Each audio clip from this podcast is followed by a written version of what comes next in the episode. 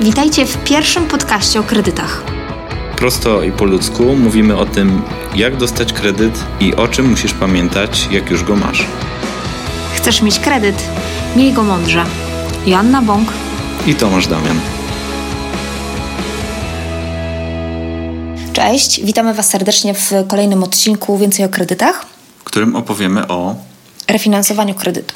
Dokładnie, czyli o celu kredytowania, który polega na tym, żeby przenieść kredyt z innego banku, który się aktualnie posiada, do docelowego, który będzie bardziej opłacalny. Zauwa- Co zauważyliśmy? Zauważyłam, że wybieramy tematy podcastów tak naprawdę na podstawie tego, co aktualnie dzieje się u nas podczas rozmów z klientami.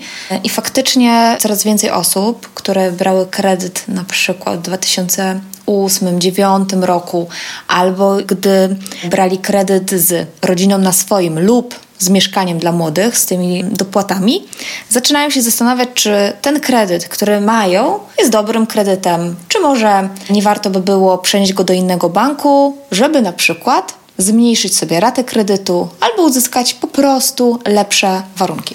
To jest jeden powód, ale poza powodem cenowym jest jeszcze druga strona, czyli. Jaka? Czyli możliwość uzyskania dodatkowych środków. A z tego tytułu, że tak jak mówiliśmy też w poprzednim odcinku, jest kwestia wzrostu wartości nieruchomości. Po prostu rynkowo, czyli w perspektywie ostatnich lat średnia cena za metr w danych miejscowościach, w większych miastach to jest bardziej zauważalne, wzrosła o tyle, że można uzyskać dodatkowe środki, na przykład na spłatę jakichś poza tym kredytem hipotecznym, który się posiada, na spłatę jakichś innych zobowiązań, jakichś innych kredytów, żeby połączyć kredyty gotówkowe z takim celem, bo można, a w niektórych przypadkach nawet jest to bardziej opłacalne. Nie tylko, żeby obniżyć sobie miesięczną ratę takiego kredytu, ale też, żeby po prostu zapłacić średnio w miesiącu mniej kosztów kredytowych z tym związanych.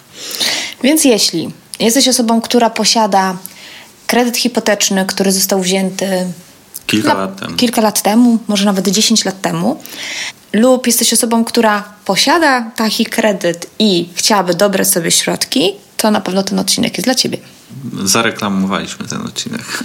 A teraz technicznie przejdźmy do e, szczegółów, co, gdzie i jak można zrobić. Czyli przede wszystkim musimy, przygotowując się do takiego porównania i oceny, czy taki krok postaci przeniesienia kredytu będzie się nam opłacał, trzeba wziąć umowę kredytową do ręki i sprawdzić wysokość marży tego kredytu. Tak, i ogólnie oprocentowanie, jakie mamy na dzień dzisiejszy, ponieważ te stare umowy kredytowe, o czym musicie wiedzieć, składnikiem tego oprocentowania jest często WIBOR, który jest WIBORem 12-miesięcznym. E, więc e, jakby rata zmienia się raz do roku, ma możliwość zmiany raz do roku, więc to oprocentowanie, które będzie w umowie kredytowej i na, na, dany moment e, w naszej, nie wiem, aplikacji internetowej czy w harmonogramie do spłaty może się zupełnie różnić od y, oprocentowania, które jest na dzień dzisiejszy proponowane przez banki. I to, co powiedział Tomasz, oczywiście ważne jest, jaka jest marża. Tam 10 lat temu, 11, często było tak, że te oprocentowania kredytów y, i jakby ten składnik oprocentowania marża była dość niska, była gdzieś w granicach 1%, 1,2%, ale doskonale pamiętam, że były banki, które dawały kredyt, musieliśmy wziąć kredyt w danym banku, który miał słabe warunki, bo nikt inny nam nie dawał. A nasza sytuacja finansowa, życiowa zmieniła się przez tą dekadę o 180 stopni i może się okazać, że faktycznie tamte warunki kredytowania były słabe, ale dzisiaj mogą być dużo, dużo lepsze. No też bym powiedział o takiej jednej rzeczy, że jeżeli wiek na to pozwala, to też możemy osiągnąć taki rezultat, że nie dość, że możemy mieć tańsze oprocentowanie, czyli niższą marżę tego kredytu, mniej odsetek, to jeszcze możemy utrzymać długi okres kredytowania, żeby w stosunku do momentu, kiedy braliśmy ten kredyt, który był udzielany na przykład na 30 lat, mhm. dzisiaj go przenosząc, też móc uzyskać maksymalnie długi okres kredytowania, tak? Okej, okay. to, to jest dobra rzecz, o której to, mówisz. To nie tylko spada nam koszt z punktu widzenia miesięcznych odsetek o niższej wartości, o niższym procencie, mhm. ale też wysokość samej raty. Mówię to z punktu widzenia tego miesięcznego spłacania, bo jeżeli bo nie mówisz o całkowitym na całkowite koszty, to już, jasne. To, to, to będzie inny jakby temat, inna wytyczna. Jeżeli chcielibyśmy zachować okres kredytowania, który mieliśmy pierwotnie i tylko dążyć do obniżenia proporcjonalnie ilości odsetek, czyli zyskać na te, takim rozwiązaniu, no to nie musimy skracać tego, nie musimy wydłużać tego okresu kredytowania. Może być on taki pierwotny, jak był w tej naszej pierwszej umowie. Jeżeli zdolność pozwala, oczywiście. Tak, to jest jedna rzecz. I jeszcze, y, co możemy znaleźć w umowie, co jest dla nas istotne, to y, paragraf mówiący o wcześniejszej spłacie kredytu, czyli musimy sprawdzić, czy bank nie będzie przypadkiem pobierał opłaty za wcześniejszą spłatę tego kredytu. Przy takich starych umowach na pewno PKS-a sprzed wejściem w życie ustawy ma zapisane, że pobiera albo 2% prowizji za wcześniejszą spłatę, albo pobiera według cennika opłat i prowizji, który jest e, na dany moment. Więc na to też musicie zwrócić uwagę. PKO BP ma też przy całkowitej spłacie kredytu też ma jakąś prowizję przy tych starych umowach, ale zwracam uwagę, że tak naprawdę umowy kredytowe zmieniały się na przestrzeni lat w danym banku i to, jakie tam są zapisy, nie mówię, że to jest kwestia indywidualna, tylko to jest jakby kwestia danego okresu, danego czasu, danego banku. Więc to trzeba po prostu sprawdzić. No, te prowizje mogą być nawet do 2%. Wysokie e, i bardzo zauważalne, więc. Ale e, powiedziałbym jeszcze jedną rzecz, że to, że mamy zapisaną prowizję, mhm. to tak jak z każdym jednym e, warunkiem i wymogiem. Takie rzeczy zawsze możemy spróbować zapytać bank, czy nam nie odstąpi od jakiejś części, od wysokości tej, tej zapisanej wartości. Równie dobrze możemy też jeżeli się rozglądamy za kredytem, który ma być tańszy, a ta różnica w, w cenie tego oprocentowania, bo dalej dąży do, do tej wysokości marży, zawsze też można wykonać krok w tym samym banku i zapytać, czy może dałby nam niższą cenę tego naszego aktualnego e, kredytu i nie musielibyśmy wykonywać tego kroku. Na przykład, jeżeli by się nam nie zgodził na obniżenie kosztu związanego z prowizją za wcześniejszą spłatę, a zależy nam tylko i wyłącznie na przeniesieniu tego kredytu gdzieś indziej, żeby mieć lepsze oprocentowanie. To mówię o takich założeniach. To, o czym mówisz, jest faktycznie bardzo ważne. No dobrze, to sprawdzamy umowę, czyli reasumując, patrzymy na marżę i patrzymy na to, czy jest opłata za wcześniejszą całkowitą spłatę kredytu. To jest kwestia umowy kredytowej. Jeśli te warunki okażą się na tyle dla nas niesatysfakcjonujące, chociaż może źle mówię, bo zazwyczaj są niesatysfakcjonujące, jak się bierze kredyt, ale o ile okażą się, że y, rynkowo są słabe, to trzeba pamiętać, że do nowego banku trzeba przedstawić y, zaświadczenie o tym, ile nam zostało kredytu do spłaty, są banki, które w ogóle nie ruszą tematu bez takiego zaświadczenia. W niektórych bankach wystarczy na samym początku umowa kredytowa i harmonogram na dzień składania wniosku. To tak tak na szybko jeszcze a propos dokumentów, ale na pewno na końcu jeszcze podsumujemy to. No to... musimy się mhm. też liczyć z tym, że będzie sprawdzana nasza zdolność kredytowa. To jest tak naprawdę staranie się o kredyt. Od samego początku, na nowo ale jest jeszcze kwestia, to jest jakby umowa kredytowa, warunki danego kredytu. To jest jedna kwestia, ale druga kwestia, która jest mega, mega ważna, to jest wartość nieruchomości, która jest zabezpieczeniem danego kredytu. Możemy ją sprawdzić i warto na początku się zorientować, czy rzeczywiście ta wartość nieruchomości nam na to pozwoli. O ile w dużych miastach ten e, wzrost cen jest, jest spory i możemy to, no nie powiem, ale jest duża pewność, że taka opcja będzie możliwa na dzień dzisiejszy, to w mniejszych miejscowościach ten wzrost mo może nie był aż tak dynamiczny. Także warto sprawdzić, porównując sobie chociażby jakieś ogłoszenia sprzedaży nieruchomości w danym, w danym regionie No już na pewno można to zrobić wykonując y, wycenę, zlecając ją rzeczoznawcy majątkowemu, który mm, później przekazywując nam taki operat szacunkowy, możemy ten operat wykorzystać przy wnioskowaniu o kredyt. Mówimy tu trochę o takiej sytuacji przede wszystkim przy kredytach złotówkowych, ewentualnie przy kredytach w walucie euro, bo jeśli dotkniemy tematu frankowego, to tak naprawdę wszystko zależy w którym roku kupiliśmy daną nieruchomość, czy przed boomem, i po ile był wtedy e, frank, kiedy braliśmy kredyt hipoteczny. Tak naprawdę jakby o kredytach walutowych, o refinansowaniu kredytu walutowego ciężko by było opowiedzieć tutaj w tych 15 minutach, bo każda sprawa jest totalnie, totalnie jest indywidualna.